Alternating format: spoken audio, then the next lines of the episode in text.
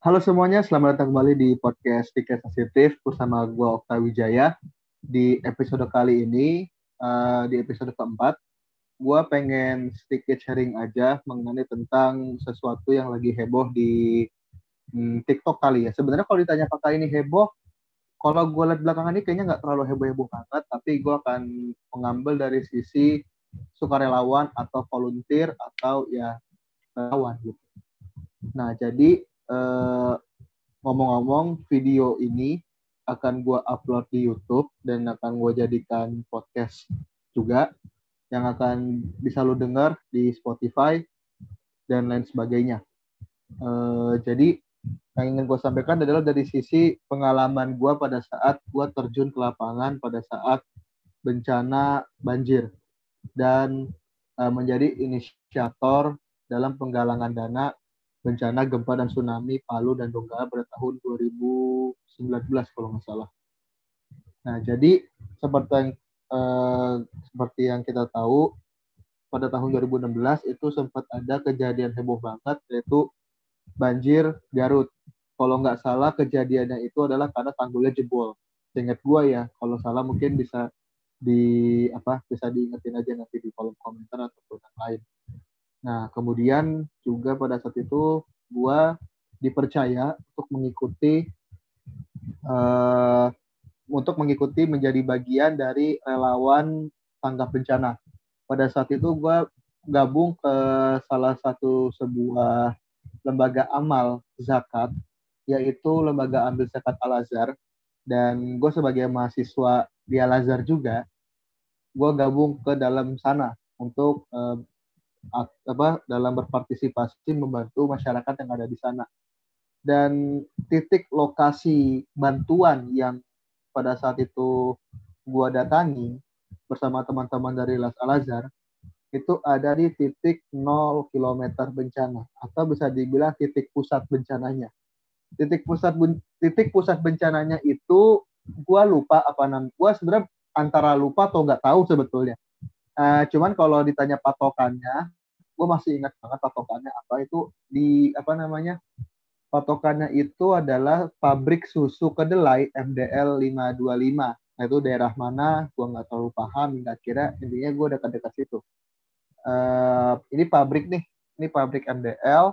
Masuk lebih ke dalam lagi, nah itu di situ tempat. Nah pada saat itu ya jujur aja rata dengan tanah rata dengan tanah. Jadi kejadian itu kan ini kan kayak semacam sungai ya, kayak sungai gitu. Lalu kemudian uh, kayak ada tanggul, nah tanggulnya itu jempol dan tingginya itu uh, tinggi airnya itu kurang lebih ada mungkin sekitar 10 meter sampai 15 meter sih kayaknya seingat gua karena eh enggak sorry itu gue kayak parah banget sih uh, itu banjir itu setara 7 meter karena pabrik yang itu kan setinggi sekitar 15 meter ya. Nah, itu setengah dari pabrik, setengah lebih dikit dari pabrik. Itu udah kayak ada bekas air. Berarti kan bisa dibilang banjir pada saat itu lebih dari batas normal, bahkan sudah sangat parah. Bisa apa lebih dari 5 meter ataupun bisa mencapai 7 meter pada saat itu. Nah, dari situlah dari situlah ya semua rata dengan tanah ya istilahnya sih ya sekitar terdekat itu udah hancur semua. Rumah-rumah belakangnya sih masih ada. Cuman uniknya adalah uh, ada ke, ada keajaiban di sini ya. Apa itu ke, keajaibannya? Yaitu ada satu masjid uh, yang di mana itu masjidnya tuh sama sekali nggak hancur. Dia cuman kayak semacam pecah kaca sama uh, Al-Quran di dalamnya tuh basah itu doang sih. Kalau ditanya apakah masjidnya hancur, enggak. Nah sisanya tuh belakang rumah tuh aman tuh, belakang rumahnya tuh aman bahkan tugas gue ya kalau misalnya teman-teman nanya tugas gue pada saat di lokasi bencana itu ngapain tugas gue adalah yang pertama yang gue ingat itu uh, memecahkan batu. Untuk apa sih mencahin batu? Nah karena daerahnya itu sudah terkenang banjir sudah tergenang banjir maka batu itu digunakan menjadi jalanan darurat. Sebagai kayak semacamnya jalanan gitu aja. Pakai batu ditumpuk diratakan hingga jadilah jalanan Lalu yang kedua kita membersihkan air yang ada di rumah-rumah sekitar.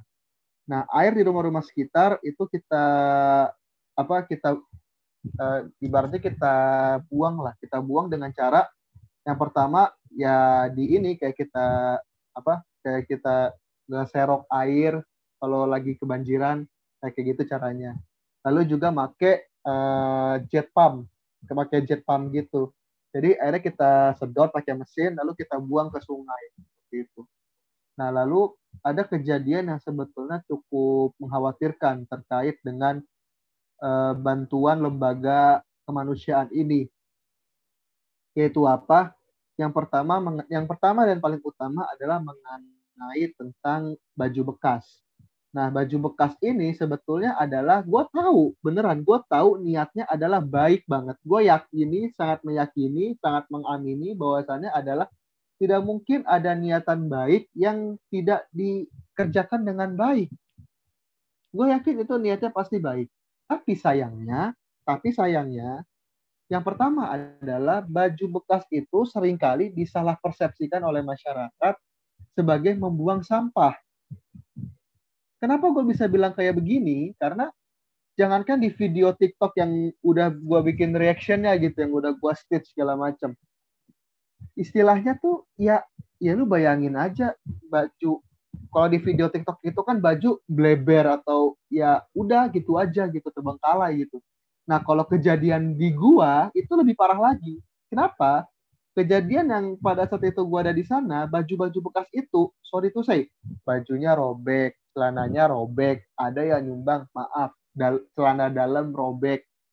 Kan udah gila orang-orang ini kayak buang sampah, buang baju kotor gitu doang jatuhnya. Bahkan gua pun lebih lebih senang, bahkan lebih bersyukur ketika mendapatkan sumbangan dari pihak luar berupa uang tunai ataupun sembako. Kenapa gue bisa bilang kayak begini? Karena uang tunai nih, misal kita megang uang tunai. Yang yang bisa dilakukan adalah kita mencari toko yang grosiran setidaknya kita bisa beli dalam jumlah banyak dengan harga murah. Nah setelah itu kita berikan ke korban bencana gitu loh. Nah berhubung gue kan juga sempat bertugas di dapur umum, gue juga bertugas di dapur umum. Jadi kita benar-benar ngerasain banget yang namanya dengan adanya sembako, dengan adanya uang tunai itu lebih berasa daripada pakai baju bekas.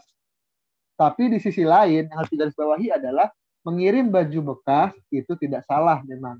Tapi sayangnya orang-orang kita itu menganggap menyumbang baju bekas sama dengan kita ngasih baju kotor. Karena sorry itu say lagi. Orang menyumbang baju bekas itu baju yang udah lama nggak dicuci.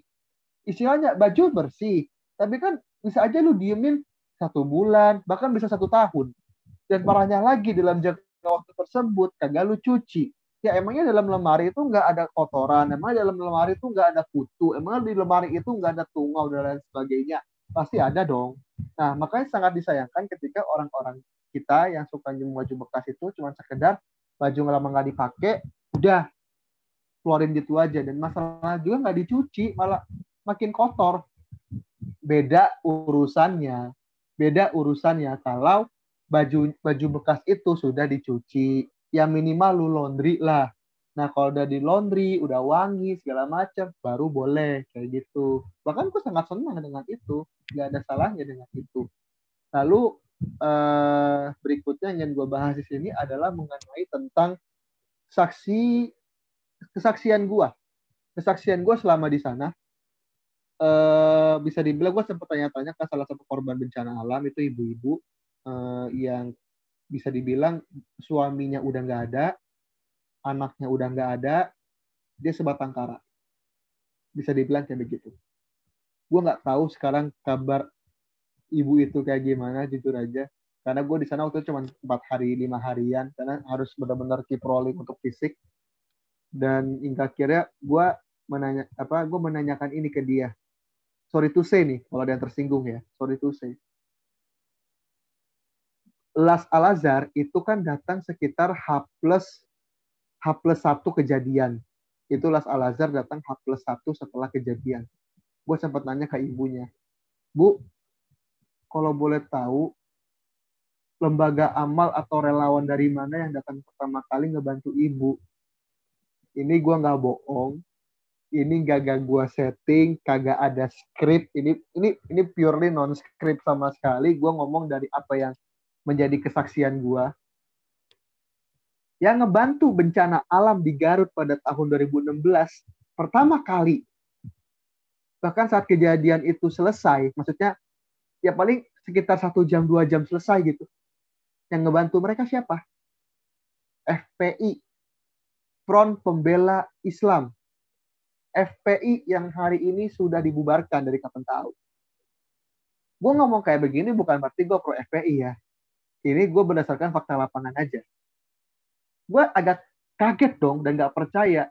Bagaimana caranya FPI bisa datang dalam jangka waktu satu hingga dua jam ke depan setelah kejadian? Gimana caranya? Dan ibu bilang, dan si ibu tuh bilang ke gue, saya nggak bohong mas, teman-teman FPI datang, mereka bawa ambulan, mereka bawa sembako, bahkan mereka langsung bangunin dapur umum, mereka masak buat kami, mereka mengangkat mayat-mayat yang ada di sini. Itu nggak bohong sama sekali. Bahkan ini atas kesaksian si korban bencana itu ya, si ibu itu. Itu atas saksi dari dia. Kalau ditanya namanya siapa, jujur aja gue udah lupa. Yang jelas udah ibu-ibu. Purely ibu-ibu. Gue lupa banget siapa namanya, warga dari kecamatan desa apa, tapi yang jelas pada saat itu gue bertugas di uh, dekat pabrik MDL 525 Susu Kedelai. Nah di, di sini uh, di sini gue pengen bilang uh, gue nggak mau ngomongin soal FPI, gue nggak mau ngomongin soal bencana, sorry, gue nggak mau ngomongin soal FPI, gue nggak mau ngomongin soal bencana alamnya karena gue bikin konten seperti ini bukan berarti gue nyari panggung seakan-akan oh ini bencana bahan baru buat gue kayak gitu tapi gue di sini berusaha untuk mengedukasi teman-teman, mengencourage teman-teman yang mungkin uh, mempunyai niatan hati baiknya untuk menyumbangkan sebagian rizkinya. Uh, gue sih cuma bisa bilang tolong yang pertama kalau mau nyumbang baju bekas itu dipilih-pilih dulu. Kalau bisa udah lu cuci, udah lu laundry, dan lu benar-benar pastikan itu baju bisa dipakai bukan masalah layak pakainya, tapi beneran bisa dipakai.